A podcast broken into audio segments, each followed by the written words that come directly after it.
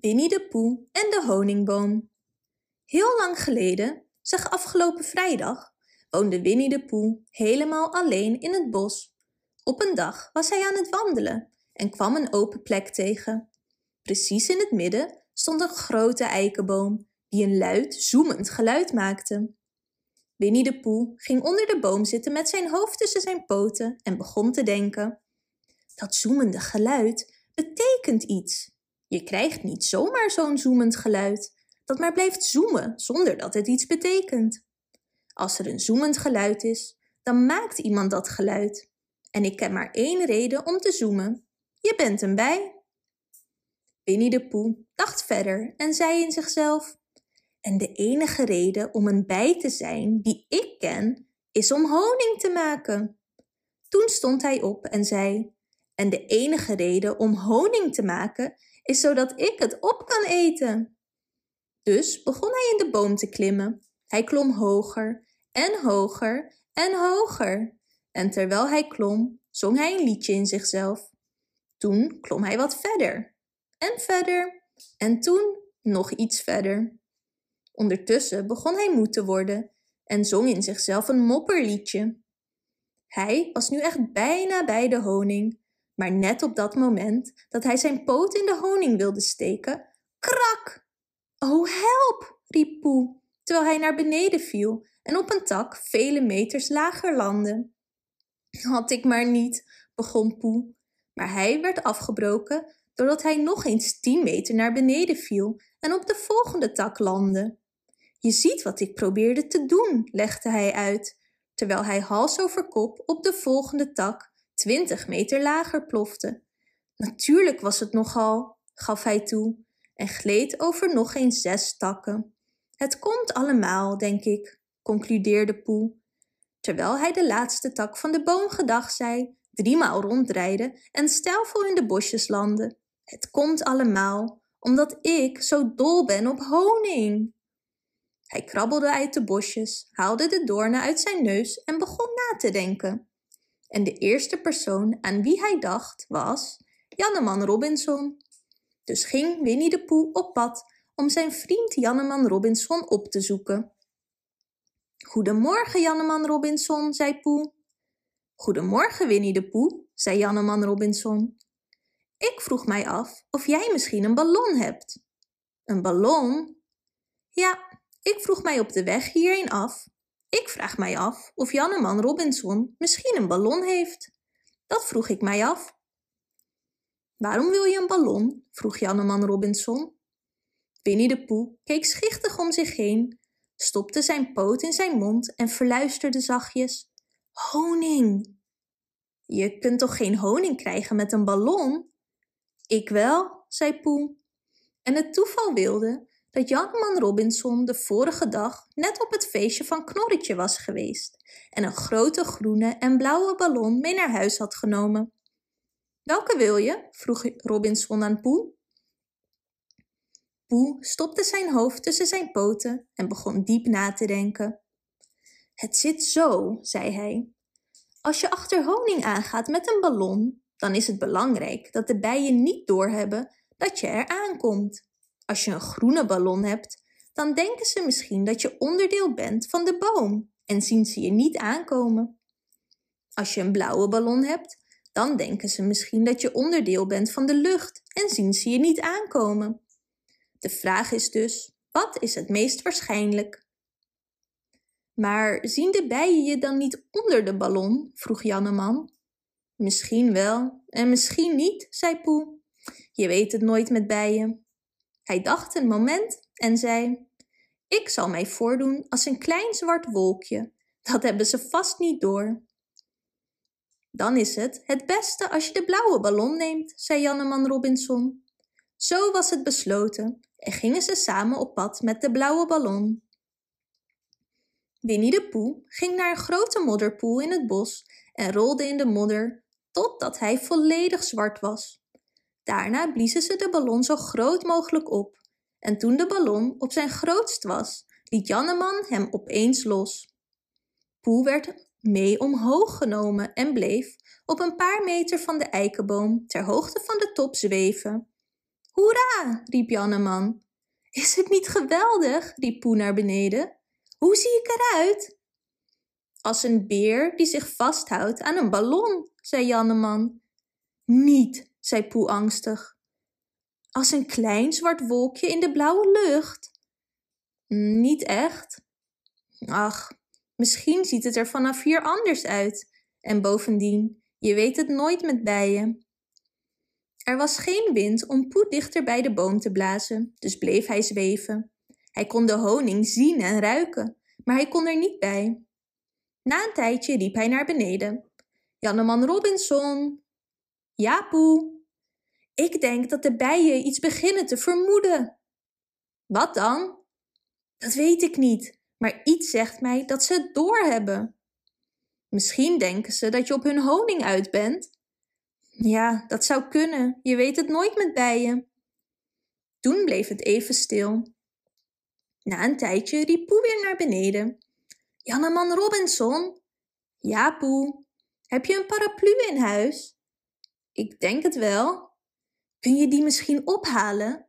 Als je dan onder mij gaat staan en af en toe zegt: Tut, tut, tut, het lijkt erop dat het regent. Dan kunnen we de bijen misleiden. Robinson lachte en dacht bij zichzelf: Gekke beer. Maar hij zei niets, omdat hij zo dol op Poe was. Dus liep hij naar huis en haalde de paraplu op. Ah, daar ben je, riep Poe, toen Janneman terugkeerde met de paraplu. Ik begon al angstig te worden. Ik ben er nu zeker van, de bijen vermoeden iets. Zal ik mijn paraplu opsteken? vroeg Robinson. Ja, maar wacht heel even. We moeten slim zijn. Het belangrijkste is dat we de bijenkoningin misleiden. Kun je haar zien van beneden? Nee. Dat is jammer. Goed, als je nu met je paraplu heen en weer loopt en zegt: Tut, tut, tut, het lijkt erop dat het regent, dan zing ik een wolkenliedje. Terwijl Robinson heen en weer liep en Poe een liedje zong, bleven de bijen wantrouwend zoemen. Enkele bijen verlieten zelfs hun nest en vlogen om het wolkje heen. Eén bij ging zelfs op de neus van het zwarte wolkje zitten. Janneman, riep het wolkje. Ja, ik heb zitten denken en ik ben achter iets heel belangrijks gekomen. Dit zijn niet de juiste soort bijen. Oh nee? Nee, het is de verkeerde soort, dus ik denk ook dat ze de verkeerde soort honing maken. Meen je dat? Ja, dus ik denk dat ik maar naar beneden kom. Hoe? vroeg Janneman. Poe had daar nog niet over nagedacht. Als hij de ballon zou loslaten, dan zou hij vallen en daar had hij niet zo'n zin in. Dus dacht hij een tijdje na en zei toen: Janneman, jij moet vanaf daar een steentje door de ballon gooien. Lukt dat? Zeker, zei Robinson.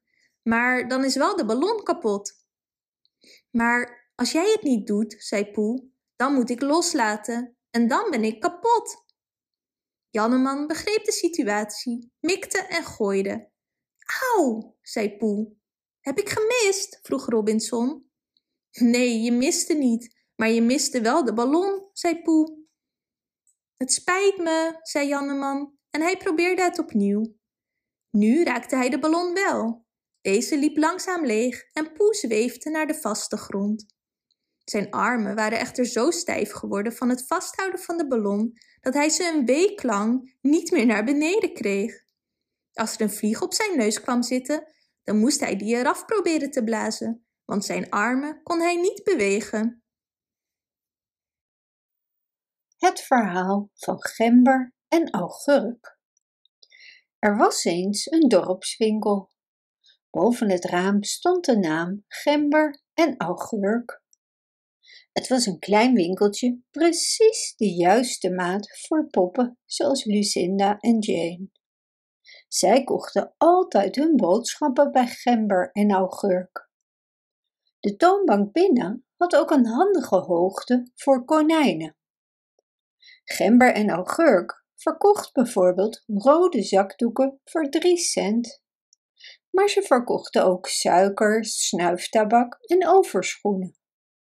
Hoewel het een klein winkeltje was, verkochten ze bijna alles. Alleen schoenveters, haarspelden en schaapskoteletten waren niet te koop. De winkel was van de kat Gember en de terrier Augurk. De konijnen waren altijd een beetje bang voor de terrier Augurk. De winkel werd ook druk bezocht door muizen. Alleen de muizen waren nou juist weer bang voor de kat Gember. Gember vroeg namelijk altijd aan Augurk om de muizen op een bordje te serveren voor hem. Het water liep hem dan bij het idee al om de mond. Ik kan het niet verdragen, zei hij, om ze zomaar de deur uit te zien gaan in hun nette pakjes. Datzelfde gevoel heb ik nou bij ratten, antwoordde Augurk. Maar het zou echt niet goed zijn om onze eigen klanten op te eten. Ze zouden ons dan allemaal verlaten en naar Tabitha Twitchets gaan. Integendeel, ze zouden nergens meer heen gaan, antwoordde Gember. Tabitha Twitchet had de enige andere winkel in het dorp. Zij gaf geen krediet. Gember en Augurk gaven daarentegen onbeperkt krediet. De betekenis van krediet is dit. Als een klant een stuk zeep koopt, dan mag hij de zeep zo meenemen, zonder eerst zijn portemonnee tevoorschijn te hoeven halen en te betalen. Hij betaalt dan gewoon een andere keer. Augurk maakt dan vervolgens een lichte buiging naar de klant en zegt: Met genoegen, mevrouw, het staat in het boek genoteerd.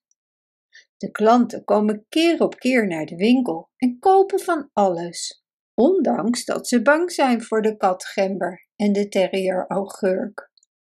Maar er zit geen geld in wat de kassa wordt genoemd. De klanten kwamen wel elke dag in grote getalen terug en kochten grote hoeveelheden op krediet. Vooral de klanten voor lekkere toffees kwamen vaak. Maar hierdoor was er nooit geld in de winkel. Niemand betaalde ooit voor pepermuntjes of toffees. De verkoop was wel enorm, wel tien keer zo groot als die van de winkel van Tabitha Twitchett. Omdat er nooit geld was om boodschappen te doen, zat er voor Gember en Augurk niets anders op dan hun eigen spullen op te eten. Augurk at de koekjes op en Gember at de gedroogde schelvis. Ze aten altijd bij kaarslicht nadat de winkel was gesloten. Maar op 1 januari was er nog steeds geen geld. Nu kon Augurk geen hondenpas kopen. Dat is nou echt vervelend, want ik ben bang voor de politie, zei Augurk. Het is je eigen schuld hoor dat je een terrier bent. Ik heb geen pas nodig en Cap de colliehond ook niet, zei de kat Gember. Het is erg ongemakkelijk. Ik ben bang dat ik opgeroepen zal worden. Ik heb geprobeerd de hondenpas op krediet te krijgen bij het postkantoor, verzuchtte Augurk. Maar er staan overal politieagenten. Ik kwam er ook eentje tegen toen ik op weg naar huis was. Gember, ik heb een idee. Laten we opnieuw een rekening naar Samuel Whiskers sturen. Hij is ons veel geld schuldig voor spek, zei Augurk. Ik geloof helemaal niet dat hij van plan is ons te betalen, antwoordde Gember. Ik ben er trouwens ook zeker van dat Anna-Maria dingen in haar zak steekt. Waar zijn anders al die krikkers gebleven? zei Augurk. Je hebt ze zelf opgegeten, antwoordde Gember. Gember en Augurk trokken zich samen terug in de achterkamer. Ze maakten rekeningen en telden talloze sommen op. Samuel Whiskers heeft een snavel die net zo lang is als zijn staart. Hij heeft sinds oktober wel een ons en driekwart spek opgegeten. En dan staat er nog zeven pond boter, een stuk zegellak en vier lucifers open op de rekening. Weet je wat? Stuur iedereen maar opnieuw een rekening, antwoordde Gember. Na een tijdje hoorde ze een geluid in de winkel. Het was alsof er bij de deur iets naar binnen was geduwd. Ze kwamen uit de achterkamer om te kijken. Er lag een envelop op de toonbank en een politieagent was bezig iets in een notitieboekje te schrijven. Augurk kreeg bijna van schrik een aanval. Hij blafte en blafte en maakte dolle sprongen. Bijt hem, augurk, bijt hem, siste Gember, verstopt achter een suikervat. Hij is maar een pop. De politieman schreef verder in zijn notitieboekje. Twee keer stopte hij zijn potlood in zijn mond en één keer doopte hij het in de stroop. Augurk blafte tot hij er hees van was. Maar de politieman met zijn kraaloogjes en helm met stiksels trok zich er niets van aan. Eindelijk stopte Augurk met blaffen. Hij ontdekte dat de winkel leeg was. De politieman was verdwenen, maar de envelop lag er nog. Denk je nu dat hij een echte politieagent is gaan halen? Ik ben echt bang dat ik een schriftelijke oproep voor het gerecht krijg, zei Augurk. Nee hoor, antwoordde Gember, die de envelop had geopend. Het zijn de tarieven en heel veel belastingen die we moeten betalen. Dit is echt de laatste druppel, zei Augurk. Laten we nu de winkel maar sluiten. Ze deden de luiken dicht en vertrokken. Maar ze bleven geliefd in de buurt.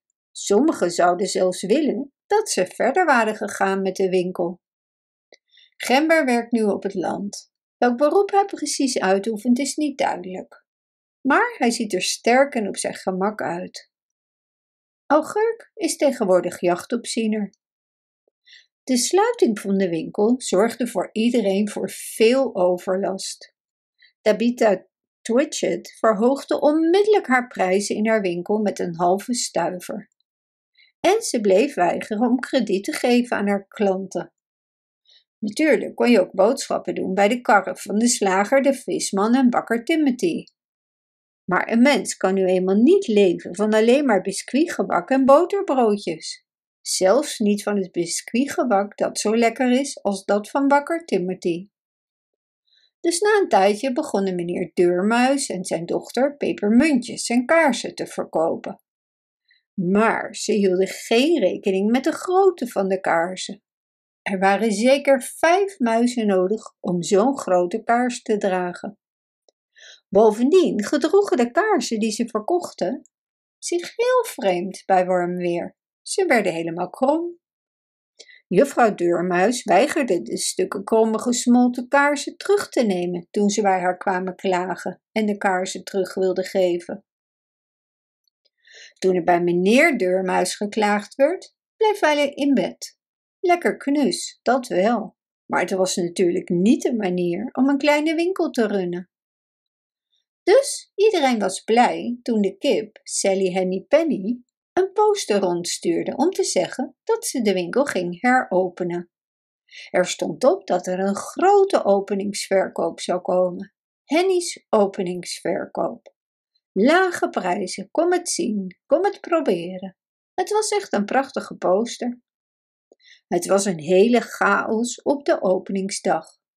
De winkel zat al snel vol met klanten en er waren massa's muizen op de bussen met koekjes gesprongen.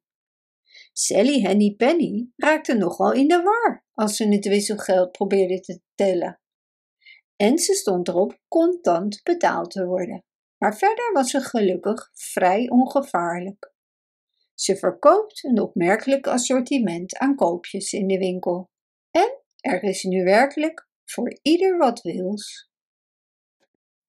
Rabonsje. Er leefde eens een man en een vrouw naast een boze heks. In de tuin van de heks groeiden heerlijke sappige raponsjes. Nu moet je weten dat je raponsjes kunt eten. Ze smaken heerlijk in een salade. De vrouw kon uren naar de raponsjes kijken en kreeg er elke dag meer en meer zin in om ze te eten. Nu was ze ook nog eens in verwachting. En dat zorgt er ook wel eens voor dat je zomaar ergens heel erg trek in kunt krijgen. Op een dag ging de man wat voor haar plukken. Omdat zijn vrouw er zo van zat te smullen, wilde hij meer voor haar plukken. Doe jij hier in mijn tuin? hoorde hij tot zijn grote schrik. Het was de heks. Ze zag er angstaanjagend gemeen uit. Oh, neem me niet kwalijk, stotterde de man. Ik, ik wilde wat van de raponsjes plukken voor mijn vrouw. Ik weet natuurlijk dat dat niet zomaar mag. Mijn vrouw is zwanger en ze had er enorm veel trek in. Het spijt me heel erg.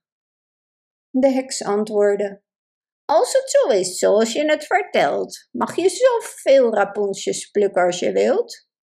Op voorwaarde dat je mij het kind geeft als het geboren wordt. Het kind zal het goed bij me hebben en ik zal een goede moeder zijn. Je kunt je misschien voorstellen hoe bang de man was, want hij beloofde het kind aan de heks. En toen het meisje geboren werd, stond ze al aan de deur. Ze zal Rapunzel heten, zei de heks en nam haar meteen mee. Rapunzel was een beeldschoon meisje. Toen Rapunzel twaalf jaar oud werd, sloot de heks haar op in een verlaten bos in een hoge toren. Er zat geen trap in en er was ook geen deur. Overdag ging de heks bij haar langs. dan klom ze via het goudblonde haar van Rapunzel in de toren. En op een dag reed er een prins door het bos. Hij hoorde Rapunzel zingen. En het geluid van haar stem was zo mooi dat de prins elke dag naar het bos ging. Daar zag hij hoe een heks via het haar van een prachtige jonge vrouw in de toren klom. Hij wachtte tot de heks de toren weer verliet. Mooie dame, mag ik bij je in de toren komen? riep hij naar boven. Rapunzel schrok enorm, want ze had al lange tijd geen mensen gezien, behalve de heks dan. Die zag ze elke dag. Ze liet de prins via haar gouden lokken naar boven komen. En zo gebeurde het dat de prins haar elke avond bezocht, als de heks er niet was. En hij vroeg of ze met hem wilde trouwen. En dat wilde ze maar al te graag. Het was een knappe man en ook nog eens een prins. Ze vroeg de prins bij elk bezoek een zijden lint te brengen. Daarmee zou ze een ladder vlechten om zo de toren te kunnen verlaten. De heks wist de hele tijd van niks. Tot de dag kwam dat Rapunzel zichzelf per ongeluk verraadde. Hoe komt het toch dat u zo zwaar bent als ik u in de toren trek? U bent toch zeker twee keer zo zwaar als de prins, die er ook nog eens twee keer zo snel over doet? Toen de heks dit hoorde, barstte ze uit in woede. Hoe durf je? riep ze naar Rapunzel. Ze pakte een schaar en knipte in één beweging, hop, het lange haar van Rapunzel eraf. Daarna bracht ze Rapunzel naar een ver verlaten oord, wat niemand nog ooit had bezocht. De heks wachtte die avond de prins in de toren op. En niets vermoedend klom hij via de vlecht van het haar van Rapunzel de toren in. Wat was dat schrikken toen hij de heks in plaats van Rapunzel aantrof. Jij gluiperd, jij zult Rapunzel nooit meer zien. De heks haalde naar hem uit en hij viel uit het torenraam helemaal naar beneden. En toen hij bijkwam van de val, kon hij opeens niets meer zien. De heks had zijn ogen betoverd. En nu hij niets zag, vond hij ook niet de weg naar zijn huis. Jaren dwaalde hij door het bos en leefde er van het water en de vruchten en de planten. Maar liefde brengt mensen, hoe ver ze ook van elkaar verwijderd zijn, altijd weer bij elkaar. Op een dag hoorde hij iemand zingen. Het was Rapunzel. Rapunzel leefde in het verlaten deel van het bos en had er een tweeling gekregen, een jongen en een meisje. Toen ze haar prins zag, huilde ze tranen van geluk. Twee van haar tranen vielen in zijn ogen en daarmee kon hij direct alles weer zien. Het had de betovering verbroken. De prins bracht Rapunzel en hun tweeling mee naar zijn koninkrijk. En daar werden ze liefdevol ontvangen en leefden nog lang en gelukkig. De maanlichtdans van mevrouw Olifant. Op een prachtige avond in het bos was er onder het maanlicht een bijeenkomst. Meneer mevrouw Olifant, de kangoeroes, de vossen, de luipaarden, kleine juffrouw Links en de statige edelherten zaten allemaal in een grote kring bij een vijver waarop prachtige lelies streven. Goed, dat is dan besloten, zei de eerbiedwaardige meneer Tapier. Mijn vrienden, we gaan strijden om een dansprijs. Dat zal de eentonigheid van onze saaie avonden doorbreken. Binnenkort zal er het mooiste feest zijn dat we ooit hebben gegeven. De muziek zal worden verzorgd door het dierenorkest. En verder zal er voor heerlijke versnaperingen gezorgd worden door de dames.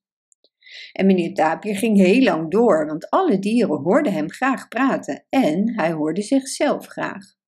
Hij was in Londen geweest, hij wist hoe het moest. Dus zei hij het nog een paar keer. Maar hij eindigde altijd met: De versnaperingen zullen door de dames worden verzorgd. Wat een geweldige toespraak, fluisterden de dieren, en de liefstallige juffrouw Giraf barstte zelfs in tranen uit. Er ontstond echter grote jaloezie tussen de dieren onderling, want mevrouw Kangoeroe liet meteen weten dat de prijs zeker voor haar was. Niemand kon dansen zoals zij. Zij hoefde alleen maar haar middel te strekken, haar kin op te tillen en een sprong te wagen. Dansen was haar specialiteit. Als het op gratie en snelheid aankomt, merkte mevrouw Luipaard op, is er toch echt iets in mijn beweging dat de rest van jullie volkomen mist. Tot nu toe had mevrouw Olifant zich stilgehouden. Ze werd altijd een goed, betrouwbaar en gemakkelijk dier genoemd. En alleen als haar vrienden hatelijk waren, noemden ze haar die lompe oude koe. Deze keer zal ik de prijs krijgen, bromde ze, terwijl ze naar haar ruime huis onder de chocoladebomen sjokte. De volgende ochtend was ze nog net zo vastberaden om de prijs te winnen. Ze droeg het huishouden onmiddellijk aan haar jonge schoonzus over. Ik heb nu andere dingen te doen, zei ze. En toen ging ze op zoek naar haar vrienden, de kikkers. Ze zouden de hele dag in de schaduw hun deuntjes fluiten en zij zou haar danspassen oefenen. In het begin was het moeilijk, maar al snel bedacht ze een prachtige dans. Op en neer en rond ging ze de hele dag en vooral de hele nacht. Maar ze hield haar bezigheden geheim en dat was maar goed ook. Want alle dieren zouden haar alleen maar uitlachen als ze haar hadden zien rondscharrelen aan de rand van de kikkervijver. De avond van de dans kwam en iedereen zag er prachtig uit en er was genoeg te eten en te drinken. Het was een spelletje van de sluwe mevrouw Vos om iedereen aan te sporen zoveel mogelijk te eten. En dit deed ze met haar liefste glimlach. Oh, eet toch nog een tros bananen, zei ze tegen mevrouw Olifant. Want ze wilde dat iedereen te veel zou eten, behalve zijzelf. Dan konden de andere dieren niet dansen, wist ze. En dan zou zij zelf de prijs krijgen, als ze haar prachtige danspasjes liet zien. Maar de dieren hadden haar plan geraden. Ze bedankten haar hartelijk, streken hun jurken glad of gingen in een hoekje hun dans oefenen. Het was een prachtige show en nadat enkele dieren hun passen hadden gedanst, werd alle hoop gevestigd op de lenige en lieftallige mevrouw Luipaard. Wacht maar op mevrouw Kangoeroe, fluisterden de dieren. Zij is pas geweldig. Toen kwam mevrouw Kangoeroe naar voren. En ze was inderdaad geweldig. Ze richtte zich trots omhoog en sprong op en neer. En daarna maakte ze een enorme sprong, maar ze keek niet en plonste midden in de vijver met lelies. Een groot deel van het publiek keek gauw een andere kant op, maar de apen lachten de kangoeroe hard uit. Mevrouw Olifant, mevrouw Olifant, riep nu iedereen uit het publiek. Ja, ja, mevrouw Olifant, kwam het van alle kanten. Alle dieren hadden na de mislukking van mevrouw Kangoeroe hun hoop op mevrouw Olifant gevestigd en joelde luid. Mevrouw Olifant zelf was heel bescheiden. Ze droeg een gladgestreken jurk en had twee eenvoudige palmbladeren achter haar oren, met daartussen een koord van maanbloemen. Ze zag er vorstelijk uit. Wat is ze dun geworden? Hoe denk je dat ze dat voor elkaar heeft gekregen? riepen de dieren. En toen begon mevrouw Olifant te dansen. Het orkest zette de olifantenmars al in, maar op haar verzoek begon meneer Kikker op zijn fluit te spelen. En terwijl ze haar poten één voor één omhoog zwaaide en de meest prachtige buigingen maakte, klapperde ze ook nog met haar oren en krulde haar slurf op op de melodie van de muziek. Haar dans was prachtig. Mevrouw Tapier noemde het zelfs een majestueuze dans. En toen ze het publiek had geboeid, veranderde de muziek in een vrolijke deun.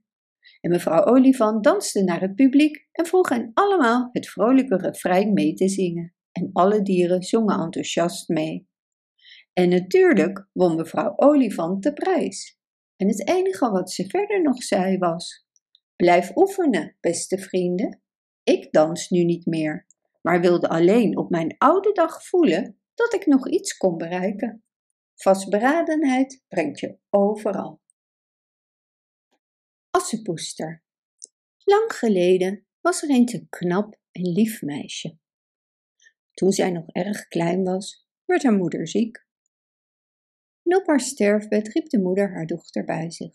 En ze zei: Leef altijd goed en eerlijk, dan zal de wereld ook goed voor jou zijn. En vlak na die woorden sloot ze haar ogen voor eeuwig. De vader van het meisje was een rijke zakenman die vaak op reis was. En niet lang na de dood van zijn vrouw trouwde hij opnieuw. En met zijn nieuwe vrouw kreeg de zakenman nog twee dochters. Ze waren mooi van buiten, maar slecht van binnen, waren erg gemeen tegen hun halfzus. Ze pakte haar mooie kleren af en liet haar alle vieze taakjes in huis doen. En s'avonds mocht ze niet eens in een lekker zacht bed slapen, maar moest ze voor de open haard gaan liggen. Daardoor zaten haar kleren altijd onder de as en werd ze Assepoester genoemd. Assepoester dacht constant aan de woorden van haar moeder en klaagde nooit over alles wat zij moest doen. Toen de vader van Assepoester weer eens op reis ging, vroeg hij aan zijn dochters wat zij wilden hebben. De jongste dochters vroegen de duurste kleren en de mooiste sieraden. Assepoester wilde enkel het eerste takje dat tijdens de terugreis tegen de hoed van haar vader zou stoten. Op de terugweg reed Assepoesters vader onder een hazelaar door. Een takje streek langs zijn hoofd en hij herinnerde zich de belofte aan zijn oudste dochter. Thuis was Assepoester dolblij met het takje. Ze plant deze op het graf van haar moeder en begint te huilen. Maar door haar tranen groeit het takje uit tot een prachtige hazelaar. Elke dag ging Assepoester naar het graf en elke dag zat er een klein wit vogeltje in de boom. En als Assepoester iets wenste, vervulde het vogeltje haar wens. Toen alle drie de meisjes oud genoeg waren om te trouwen, gaf de koning toevallig een feest dat drie dagen zou duren. Alle mooie meisjes uit het land werden uitgenodigd. De prins was namelijk op zoek naar een bruid. En ook de zussen werden uitgenodigd. Maar Assepoester mocht niet gaan van haar stiefmoeder. Jij hebt toch geen mooie kleding om aan te trekken naar het bal, werd er tegen Assepoester gezegd. Assepoester luisterde, maar terwijl ze haar zussen hielp met havenkammen en jurken aantrekken, huilde ze zachtjes. Zodra iedereen naar het bal was, ging Assepoester onder de hazelaar zitten en smeekte het vogeltje om goud en zilver. Direct vallen er een schitterende jurk en bijpassende schoentjes naar beneden. Assepoester kleedt zich snel om en gaat naar het bal. Op het bal kan de prins zijn ogen niet van Assepoester afhouden en danst de hele avond met haar. Niemand herkent het meisje. Als de prins haar thuis wil brengen, ontsnapt Assepoester snel. De volgende avond gaat precies hetzelfde. In een nog mooiere jurk komt Assepoester op het feest en danst weer de hele avond met de prins. En weer is zij weg voordat de prins weet wie ze is. Ook op de derde avond van het feest gaat Assepoester naar de hazelaar. Deze keer krijgt ze de mooiste jurk die ze ooit heeft gezien en volledig gouden schoentjes. En weer danste Assepoester en de prins de hele avond. Deze keer was de prins vastbesloten om Assepoester niet te laten ontsnappen. En hij had de trap plakkerig gemaakt. Hierdoor verloor Assepoester haar linkerschoentje als ze naar huis vlucht. De prins pakt het schoentje van de trap en besluit op zoek te gaan naar het meisje. Degene die dit schoentje past, wordt mijn vrouw. Vele meisjes proberen de schoen aan te trekken, maar niemand past het. De gemene zussen proberen het, maar allebei hebben ze veel te grote voeten. Mag ik het ook proberen? vraagt Assepoester verlegen. En dat mag, en tot iedereens verbazing zit het schoentje als gegoten. Dan herkent de prins haar en neemt haar mee naar zijn kasteel. Assepoester en de prins trouwen en leven nog lang en gelukkig. Het schatkasteel. Er was eens een jager die tijdens de jacht een stemmetje uit de grond hoorde komen. Wie is daar? vroeg de jager. Hier ben ik, riep het stemmetje. De jager liep in de richting van een kuil die was gegraven om wilde dieren te vangen. En er zat een dwerg in de kuil. Wilt u me alsjeblieft uit de kuil bevrijden? vroeg de dwerg. De jager aarzelde geen moment en trok de dwerg uit de kuil. Oh, vriendelijk bedankt, zei de dwerg. Omdat jij mij geholpen hebt, zal ik je een geheim vertellen. Er is een kasteel waar een schat zo voor het grijpen ligt. Ik zal je vertellen waar je het kunt vinden.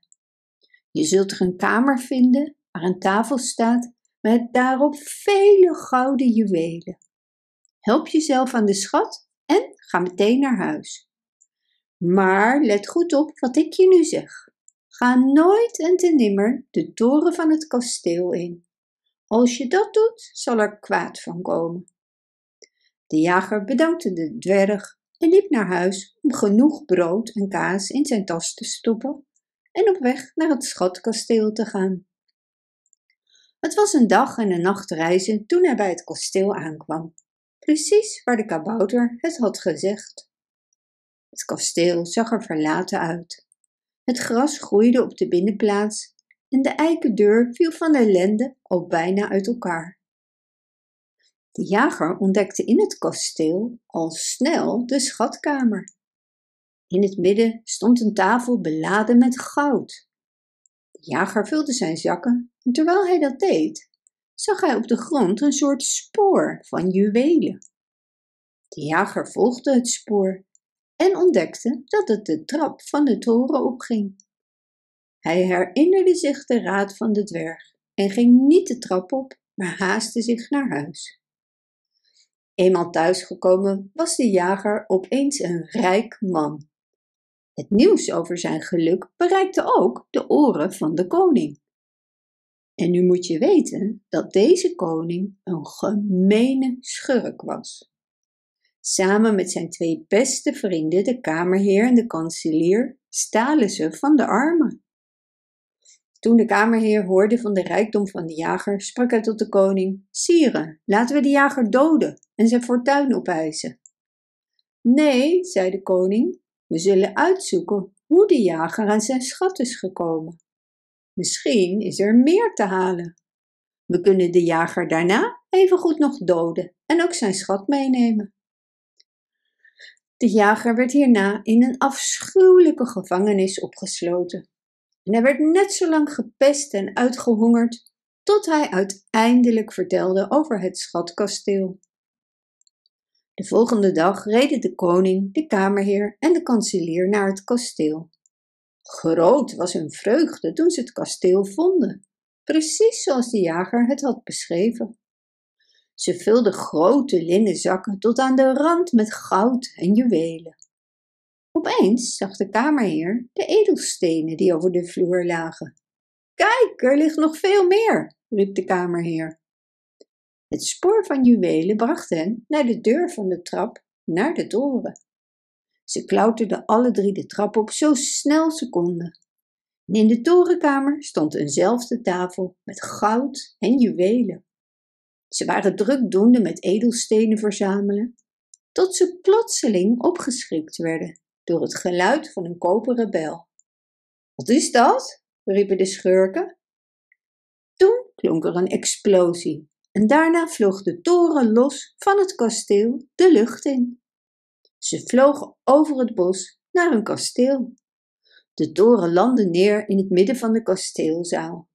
En vreemd uitziende kerels grepen de schurken en brachten hen naar een dwergenkoning. Nu moet je weten dat de schat deze koning toebehoorde. Het was een broer van de dwerg die de jager uit de put had gered. Waarvan worden deze drie mannen beschuldigd? vroeg de dwergenkoning. Van beroving van het schatkasteel, uw majesteit, antwoordde een van de bedienden. Haal onmiddellijk de opperrechter, zei de dwergenkoning. De drie mannen werden in een kooi gezet. Een zware stem kondigde de aanwezigheid van de opperrechter aan. Er verscheen een bode in een rood fluweel pak. En in zijn hand hield hij een gouden stok. Hij werd gevolgd door twee schildknapen.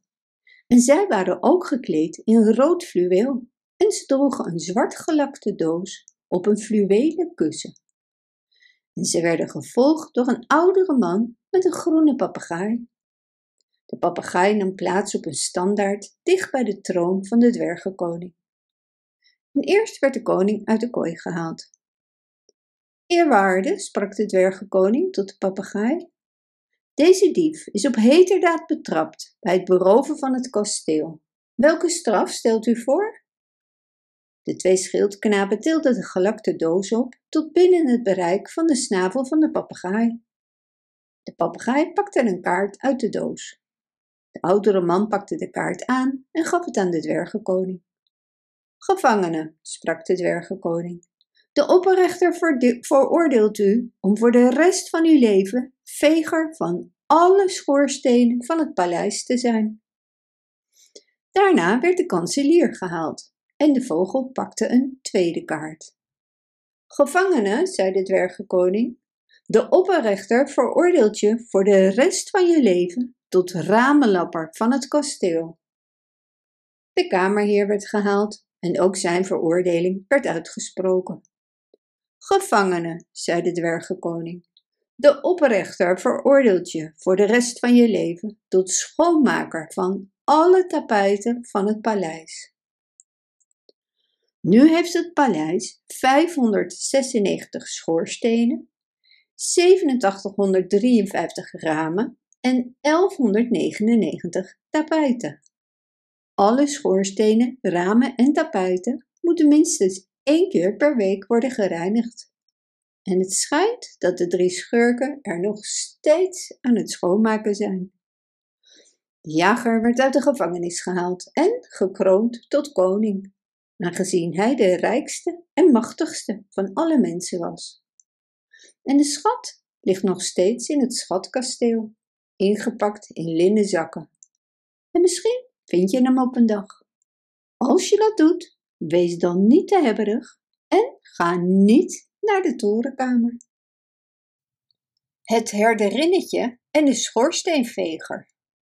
Heb je wel eens zo'n echte oude kast gezien? Zo'n kast kraakt en is helemaal zwart geworden van ouderdom. Zo'n kast die prachtig versierd is met houten krullen en ander mooi snijwerk. Ergens in een huiskamer stond precies zo'n kast. Het was een erfstuk van de grootmoeder. De kast was werkelijk van boven tot onder versierd met rozen, tulpen en andere mooie dingen. En je zag de wonderlijkste houten krullen waar kleine hertenkopjes met grote geweien tussenuit staken. Maar het meest vreemde om te zien was de statige mensfiguur die uit mahoniehout was gesneden. Hij stond midden in de kast. De figuur grijnsde, want lachen kon je het niet noemen. Verder had hij rare, dunne bokkenpootjes als benen, kleine horentjes op zijn voorhoofd en een hele lange baard. En de kinderen noemden hem altijd de geitenbokkenpoot opperondergeneraal krijgscommandeersergeant. Dat was een moeilijke naam om uit te spreken. En er zijn niet veel mensen die zo'n lange titel krijgen. Het was dan ook niet makkelijk geweest om hem uit het hout te snijden maar het was gelukt. Hij keek vanuit de kast altijd naar het tafeltje onder de spiegel. Daar stond een allerliefst herderinnetje van porselein. Ze droeg vergulde schoentjes en een jurkje met een rode roos erop. Ze had een gouden hoedje op haar hoofd en hield een herdersstaf vast. Ze was snoezig. Dicht bij haar stond een kleine schoorsteenveger, ook van porselein. Hij was een schoorsteenveger, maar hij zag er heel netjes en schoon uit. De porseleinwerker had net zo goed een prins van hem kunnen maken. Daar stond hij nu als schoorsteenveger met zijn ladder, maar zijn gezicht was wit en roze. Dat klopte echt niet helemaal, want schoorsteenvegers zijn meestal een beetje zwart van het roet uit de schoorsteen. De schoorsteenveger en het herderinnetje stonden vlak bij elkaar.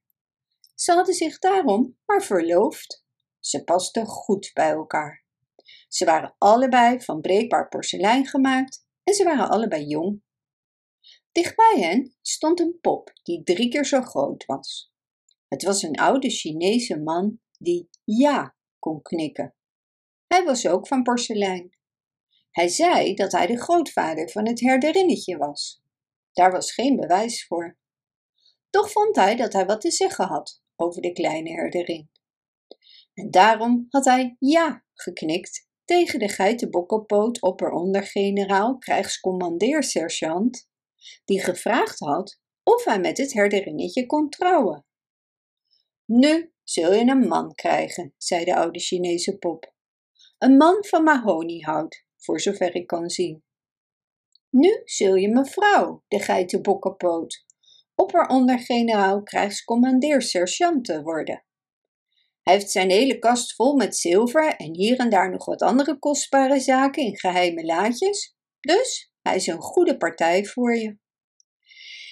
Ik wil niet in die donkere kast, zei het herderinnetje. Ik heb horen zeggen dat hij daar in die kast elf porseleinen vrouwen heeft. Dan kun jij de twaalfde worden, zei de Chinese pop. Vannacht, als het in de oude kast begint te kraken, zullen we jullie bruiloft vieren, zo waar als ik een Chinees ben. En toen knikte hij en viel in slaap. Maar de kleine herderin huilde bedroefd en keek naar haar geliefde porseleinen schoorsteenveger. En ze zei: Ik smeek je om met mij de wijde wereld in te gaan, want hier kunnen we niet blijven. Ik wil alles wat jij wilt, zei de kleine schoorsteenveger. Laten we dan maar meteen vertrekken. Ik denk dat ik met mijn beroep wel genoeg geld kan verdienen voor ons beiden. Als we eerst maar goed en wel van de tafel afkomen, zei het herderinnetje. Ik kan niet echt blij zijn voordat we veilig buiten in de wijde wereld zijn. De schoorsteenveger troostte haar en wees haar hoe zij haar voetjes op de uitgesneden kanten van de tafel en op het vergulde loofwerk van de poot moest zetten. Zijn ladder kwam hierbij goed van pas.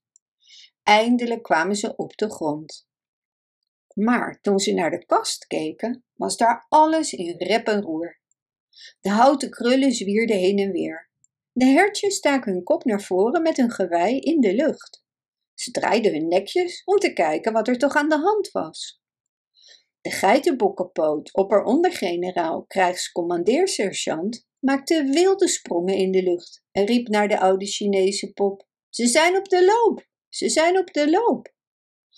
Toen schrokken het herderinnetje en de schoorsteenveger toch wel erg en doken vlug in een grote, diepe la. In die la lagen een paar kaartspellen die niet helemaal compleet waren. Ook was er een klein oud poppentheater wat zo goed en zo kwaad als het ging weer in elkaar was gezet. En de poppen gaven een voorstelling. De speelkaarten waren het publiek. De ruiten, harten, klaver en schoppenvrouwen zaten op de eerste rang en ze hadden tulpen als waaiers om zich koelte toe te waaien. Achter hen stonden de trotse boeren met een kop boven en een kop beneden, want zo zien die speelkaarten eruit. En de voorstelling ging over een meisje en een jongen die heel veel van elkaar hielden, maar niet samen konden zijn. Het herderinnetje huilde dikke tranen, omdat dit ook haar eigen geschiedenis was. Dit houd ik niet uit, zei ze snikkend. Ik moet weer uit de la. Toen ze weer op de grond gekomen waren en naar de tafel omhoog keken, was de oude Chinese pop wakker geworden. Hij knikte niet meer alleen ja, zijn hele bovenlijf was nu in beweging. Nu komt de oude Chinese pop eraan om ons te pakken, riep de kleine herderin. En ze viel pardoes op haar porseleinen knietjes. Zo bedroefd was ze. Ik heb een idee, zei de schoorsteenveger. Zullen we in die grote vaas kruipen, die daar in de hoek staat? Dan kunnen we lekker op de rozen en lavendel liggen. En we strooien hem dan zout in zijn ogen als hij langskomt. Dat helpt niet, zei ze. Bovendien weet ik dat de oude Chinese pop en de vaas verloofd zijn geweest. Als dat zo is, blijf je toch altijd een beetje van elkaar houden nog. Nee, er blijft niets anders over dan de wijde wereld in te gaan. Heb je werkelijk de moed om met mij de wijde wereld in te gaan? vroeg de schoorsteenveger. Heb je bedacht hoe groot die is en dat we nooit meer hier terug kunnen komen? Dat heb ik allemaal bedacht en toch wil ik gaan, zei het herderinnetje.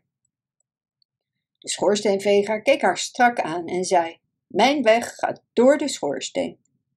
Heb je werkelijk de moed om met mij samen door de kachel en door de pijp te kruipen? Daarna komen we in de schoorsteen en dan weet ik wat mij te doen staat. We klimmen zo hoog de schoorsteen in dat ze ons niet kunnen bereiken. Bovenaan is een gat naar buiten, naar de wijde wereld. Hij bracht haar naar het deurtje van de kachel. Het ziet er wel donker en zwart uit, zei ze, maar ze deed het toch. Ze gingen door de kachel en door de pijp waar het erg donker was. Nu zijn wij in de schoorsteen, zei hij. Kijk, daarboven straalt een prachtige ster. Het was een echte ster aan de hemel die hun tegemoet straalde. En het was alsof deze hen de weg wilde wijzen. Ze klauterden en kropen hoger en hoger.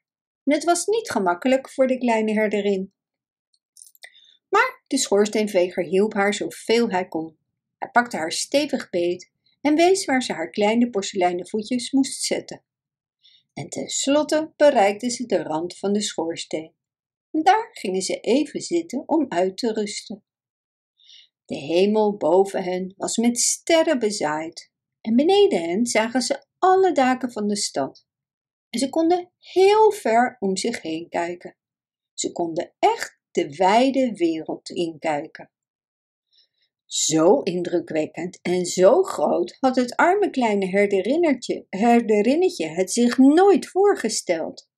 Ze legde haar hoofdje tegen de schoorsteenveger aan en huilde zo hard dat het goud van haar riem verdween. Het is te veel, echt veel te veel, zei ze. Dit houd ik niet uit. De wereld is veel en veel te groot. Ik wilde dat ik weer op het kleine tafeltje onder de spiegel stond. Ik word pas weer vrolijk als ik weer terug ben. Ik ben met jou meegegaan, de wijde wereld in. Als je tenminste een beetje van mij houdt, dan breng je me nu ook weer thuis. De schoorsteenveger praatte rustig met haar en hij herinnerde haar aan de oude Chinese pop en aan de geitenbokkenpoot opperonder-generaal krijgscommandeersergeant die met haar wilde trouwen. Maar ze was diep bedroefd en ze snikte zo hard en kuste haar kleine schoorsteenveger zo innig dat hij niets anders kon doen dan haar haar zin geven. Eigenlijk was dat natuurlijk wel een beetje een dwaas idee om weer terug te gaan. Toch kropen ze weer in de schoorsteen en maakten de lange tocht terug naar beneden, door de donkere pijp en de kachel. Echt prettig was het niet. Bij de kacheldeur aangekomen, keken ze voorzichtig de kamer in, om te weten te komen hoe het er daar nu voor stond. En het was doodstil in de kamer. Ze keken nog eens goed. Ach, daar lag de oude Chinese pop midden op de grond. Hij was van de tafel gevallen toen hij achter hen aan wilde gaan. En nu was hij in drie stukken gebroken. Zijn rug lag aan scherven en zijn hoofd was in een hoek gerold. De geitenbokkenpoot opperondergeneraal krijgscommandeersergeant stond waar hij altijd had gestaan en hij dacht diep na. Dit is een ellendige zaak, zei het kleine herderinnetje. Mijn oude grootvader ligt in gruzelementen en dat is onze schuld. Dit overleef ik niet. En ze wrong haar kleine handjes wanhopig in elkaar. Probeer een beetje kalm te blijven, zei de schoorsteenveger tegen haar. Je grootvader kan weer in elkaar gezet worden. Dat kan zelfs heel goed. Als ze zijn rug lijmen en een flinke kram tussen zijn hoofd en nek zetten, wordt hij weer zo goed als nieuw. En dan kan hij vast ook weer heel veel nare dingen zeggen. Geloof je dat echt? zei het herderinnetje. Ze kropen weer op het tafeltje onder de spiegel waar ze vroeger ook gestaan hadden. Kijk ons nu eens, zei de schoorsteenveger. We staan weer gewoon hier. We hadden ons al die moeite wel kunnen besparen. Maar het herderinnetje maakte zich alleen maar zorgen over haar grootvader. Was hij nu maar weer aan elkaar gelijmd? Ik hoop dat het niet te duur is. De oude Chinese pop werd weer in elkaar gezet. De familie liet zijn rug lijmen en hij kreeg een flinke kram in zijn nek. Hij was weer zo goed als nieuw, maar hij kon geen ja meer knikken. Je bent wel trots geworden sinds je kapot geweest bent, zei de geitenbokkenpoot opperonder-generaal krijgscommandeer-sergeant. Ik geloof niet dat dit nu iets is om zo bijzonder trots op te zijn. Krijg ik het herderinnetje nu of krijg ik haar niet? De schoorsteenveger en het herderinnetje keken vol spanning naar de oude Chinese pop. Ze waren nog steeds bang dat hij ja zou knikken. De grootvader vond het niet prettig aan een vreemde te vertellen dat hij een kram in zijn nek had, waardoor hij geen ja meer kon knikken. Dus hij zei niets. En zo konden het porseleinen herderinnetje en de porseleinen schoorsteenveger voor altijd bij elkaar blijven. En de oude Chinese pop bleef ook gezellig bij hen. Totdat ze op een dag allemaal van het tafeltje vielen en in duizend stukjes braken.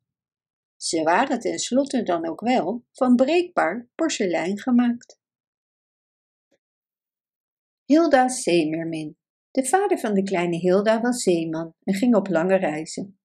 Hilda woonde in een huisje aan de kust en spinde en breide als haar vader weg was, want haar moeder was dood en zij moest de huishoudster worden. Op sommige dagen ging ze met haar boot erop uit om te vissen, want Hilda was dol op het water. Ze was aan de kust geboren en had er altijd gewoond. Als het water heel kalm was, keek Hilda in de blauwe diepte en probeerde een zeemeermin te zien. Ze wilde er graag een zien. Ze had haar vader zulke prachtige verhalen over hen horen vertellen, hoe ze zongen en hun mooie lange haar kamden. En op een avond, toen de wind waaide en de regen hard tegen haar raam sloeg, hoorde Hilda de scheepstoeter die de matrozen voor de rotsen waarschuwde. Hilda stak haar vaders grote lantaarn aan en rende naar de kust en hing hem aan de mast van een wrak dat daar lag, zodat de matrozen er niet met hun schepen op zouden varen. De kleine Hilda was niet bang, want ze had veel van zulke stormen gezien. Toen ze terugkeerde naar haar huisje, ontdekte ze dat de deur niet op slot was, maar dacht dat de wind hem had opengeblazen. Toen ze binnenkwam, vond ze een klein meisje met prachtig haar op de grond zitten. Ze was eerst een beetje bang, want het meisje droeg een groene jurk en die was op een vreemde manier om haar lichaam gewikkeld. Ik zag je licht, zei het meisje en kwam naar binnen. De wind blies me ver op de kust. Ik had niet op een nacht als deze moeten komen, maar een grote golf zag er zo verleidelijk uit dat ik dacht dat ik erop zou springen en een mooie rit zou maken. Maar het was dichter bij de kust dan ik dacht en ik landde vlak bij je deur. O mijn hemel, wat klopte Hilda's hart, want ze wist dat dit meisje een zeemeermin moest zijn. Toen zag ze dat de groene jurk in werkelijkheid haar lichaam en staart was opgerold op de vloer. En het was prachtig als de lamp erop viel en het liet glinsteren. Wil je wat van mijn avondeten? vroeg Hilda, want ze wilde gastvrij zijn, hoewel ze geen flauw idee had wat zeemerminnen aten. Dank je, antwoordde de zeemeermin, ik heb niet zo'n honger, maar een broodje zeewier zou ik heel lekker vinden. Arme Hilda wist niet wat ze moest doen, maar ze ging naar de kast en haalde er wat brood uit, dat ze besmeerde met lekkere verse boter. En ze vulde een glas met melk. Ze vertelde dat het haar speet, maar dat ze geen broodjes met zeewier had. Maar ze hoopte dat ze zou lusten wat ze had klaargemaakt. De kleine zeemeermin at ervan en Hilda was er blij mee. Woon je hier altijd? vroeg ze Hilda. Ik zou denken dat je het erg warm zou hebben en een deel van de tijd in het water zou willen zijn. Hilda vertelde haar dat ze niet in het water kon leven zoals zij deed, omdat haar lichaam niet was zoals het hare. Oh, wat jammer, antwoordde de zeemermin. Ik hoopte dat je me een keer zou bezoeken. We hebben het zo leuk onder de zee, mijn zussen en ik. Vertel me over je huis, zei Hilda. Kom naast me zitten en ik zal je alles vertellen, antwoordde de zeemermin. Hilda ging naast haar op de grond zitten. De zeemermin voelde aan Hilda's kleren en dacht dat het vervelend moest zijn om zoveel kleren te dragen. Hoe kun je zo zwemmen? vroeg ze. Hilda vertelde haar dat ze dan een badpak aan had, maar de zeemeermin vond dat echt vervelend. Ik zal je eerst over ons huis vertellen, begon ze. Onze vader Neptunus woont in een prachtig kasteel op de bodem van de zee. Het is gebouwd van parelmoer. En rondom het kasteel groeien prachtige groene dingen en er is ook fijn wit zand omheen. Al mijn zussen wonen daar en we zijn altijd blij om thuis te komen nadat we op de top van de oceaan zijn geweest. Het is zo lekker koel in ons huis. En de wind waait daar nooit en de regen bereikt ons niet. Je vindt het toch zeker niet erg om nat te worden van de regen? vroeg Hilda. Oh nee, zei de zeemeermin, maar de regen doet ons pijn. Hij valt in kleine scherpe punten en voelt aan als kiezelstenen. Hoe weet jij hoe kiezelstenen aanvoelen? vroeg Hilda. Oh, soms komen de neriden ons lastig vallen. Ze gooien kiezelstenen en roeren het water op, zodat we niet kunnen zien. Wie zijn de neriden? vroeg Hilda. Het zijn de zeenimfen, maar we laten de hondshaaien wegjagen. Ze zijn erg jaloers op ons, omdat we mooier zijn dan zij, zei de zeemermin. Hilda dacht dat ze nogal verwaand was. Maar de kleine zeemermin leek helemaal, zich helemaal niet bewust te zijn dat ze die indruk had gewekt. Hoe vind je de weg naar huis nadat je op de top van de oceaan bent geweest? vroeg Hilda. Oh, vader Neptunus stelt ons. En als er iemand ontbreekt, stuurt hij een walvis om te spuiten. En soms stuurt hij er meer dan één. En wij weten dan waar we moeten duiken als we dat zien. En wat eet je verder, behalve broodjes met zeewier? vroeg Hilda. Viseieren en wat vis, antwoordde de zeemeermin. En als we een feestje hebben, eten we taart. Waar haal je taart? vroeg Hilda verbaasd. We maken het. We malen koraal tot meel en mengen het met viseieren. En dat doen we in een schaal en sturen er een zeemeermin mee naar de top van de oceaan en ze houdt het in de zon totdat het bakt. En verder gaan we naar de golfstroom om druiven te plukken. En we hebben zeeschuim en limonade om te drinken. Limonade, zei Hilda. Waar halen jullie citroenen vandaan? Wel, wij hebben zeecitroen, antwoordde de zeemeermin. Dat is een kleine mosselvis in de kleur van een citroen. En wat doe je op je feestjes? Want je kunt niet dansen, zei Hilda. Wij zwemmen op de muziek, cirkelen rond en duiken en glijden. Maar de muziek, waar haal je de muzikanten vandaan? ging Hilda verder. We hebben genoeg muziek, antwoordde de zeemeermin. De zeeolifant trompettert voor ons. En dan is er de zeenaald. En de zwaardvis rent met zijn zwaard over de schuppen van de zeeadder. En de zeeschelpen klodderen in de zee. En al met al hebben we prachtige muziek. Maar het is nu laat en we moeten niet meer praten. Dus de kleine zeemeermin krulde zich op en al snel sliepen ze. De zon die door het raam scheen, maakte Hilda de volgende ochtend wakker en ze keek om zich heen. De zeemeermin was er niet meer, maar Hilda was er zeker van dat het geen droom was geweest, want ze vond stukjes zeewier op de vloer. En elke keer als ze met haar boot erop uitgaat, zoekt ze haar nieuwe vriendinnetje. En telkens als ze de walvissen ziet spuiten, weet ze dat zij vertellen dat het tijd is voor de zeemeerminnen om naar huis te komen. De Bremer stadsmuzikanten. Er was eens een oude ezel die het te zat was om elke dag te werken voor een molenaar. Hoe hard de ezel ook werkte, de molenaar vond het nooit goed genoeg. En daarom ging de ezel er vandoor. Hij had bedacht dat hij met zijn geweldige balkgeluiden wel eens veel geld zou kunnen verdienen als stadsmuzikant. Hij pakte zijn spullen bij elkaar en ging op weg naar Bremen. Onderweg ontmoette de ezel een oude hond. De hond vertelde de ezel dat hij moest vluchten voor zijn oude baas. Deze had besloten de hond in het asiel te stoppen, omdat hij zelf te oud was om verder nog voor hem te zorgen. Ga met me mee naar Bremen, zei de ezel tegen de hond. Jij kunt vast de sterren van de hemel blaffen. Met mijn prachtige gebouw zullen we daar goed geld verdienen. En met z'n tweeën is het bovendien veel leuker om op avontuur te gaan. De hond besloot met de ezel mee naar Bremen te gaan, om daar samen met de ezel muziek te maken. Niet lang daarna kwamen de ezel en de hond een oude kat tegen. De kat had het niet meer naar zijn zin bij zijn oude baasje. Ze wil alleen maar dat ik muizen voor haar vang, zei de kat. Maar het lukt me de laatste tijd niet meer zo goed. Ik word ook een dagje ouder. De kat zag het muziekavontuur in Bremen wel zitten. En met zijn stembanden was niks mis. Dus besloten de ezel en de hond dat de kat mee mocht om samen met hen muziek te maken. Even later kruiste een oude haan hun pad. De haan werd te lastig voor zijn oude omgeving en hem dreigde iets vreselijks te gebeuren als hij daar zou blijven.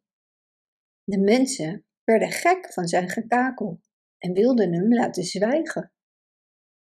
Hij besloot aan dit alles te ontsnappen en dwaalde sindsdien in zijn eentje maar wat rond. Zich aansluiten bij de Bremer stadsmuzikant klonk hem als muziek in de oren. Gelukkig vonden de ezel, de hond en de kat dat ook, en zo ging de haan mee als vierde muzikant. De vier dieren waren de hele dag op pad en het werd nacht. De weg naar Bremen leek langer dan gedacht. Daar zagen ze in de verte een lichtje schijnen. Mogelijk is daar een huis, zei de ezel. Misschien dat we daar wat kunnen eten. En mogen we er slapen in ruil voor wat vrolijke muziek, zei de hond hoopvol. En zo vervolgden ze hun weg naar het huis. Ze keken door het raam en zagen tot hun schrik dat het rovers waren.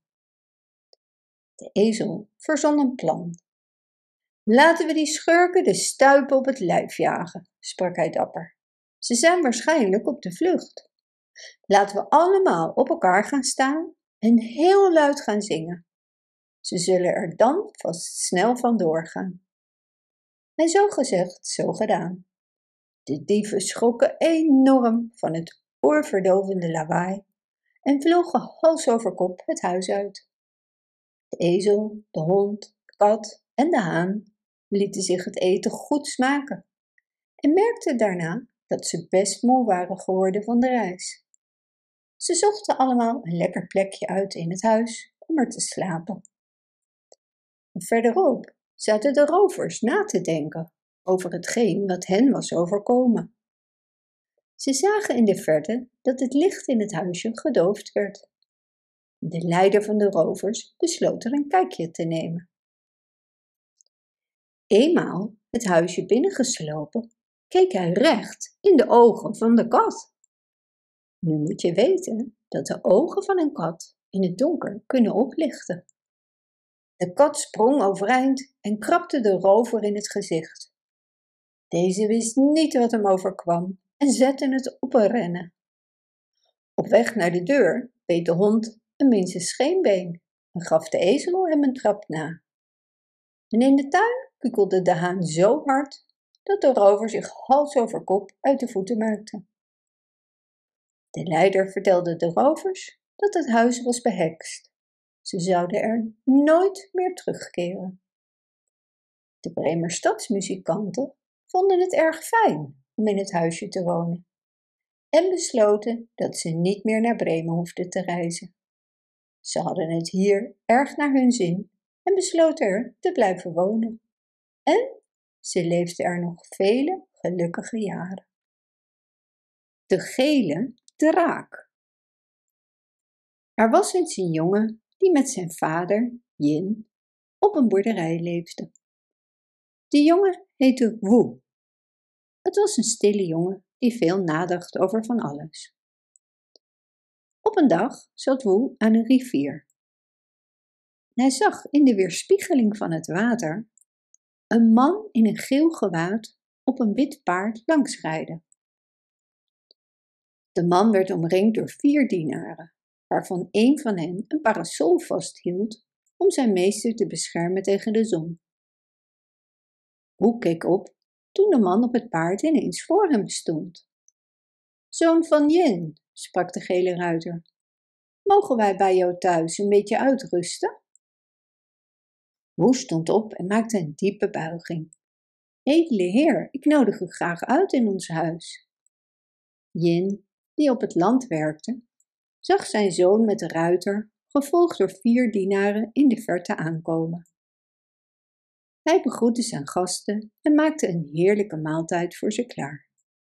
Ze zaten aan tafel gezellig te praten. Moe zei niets.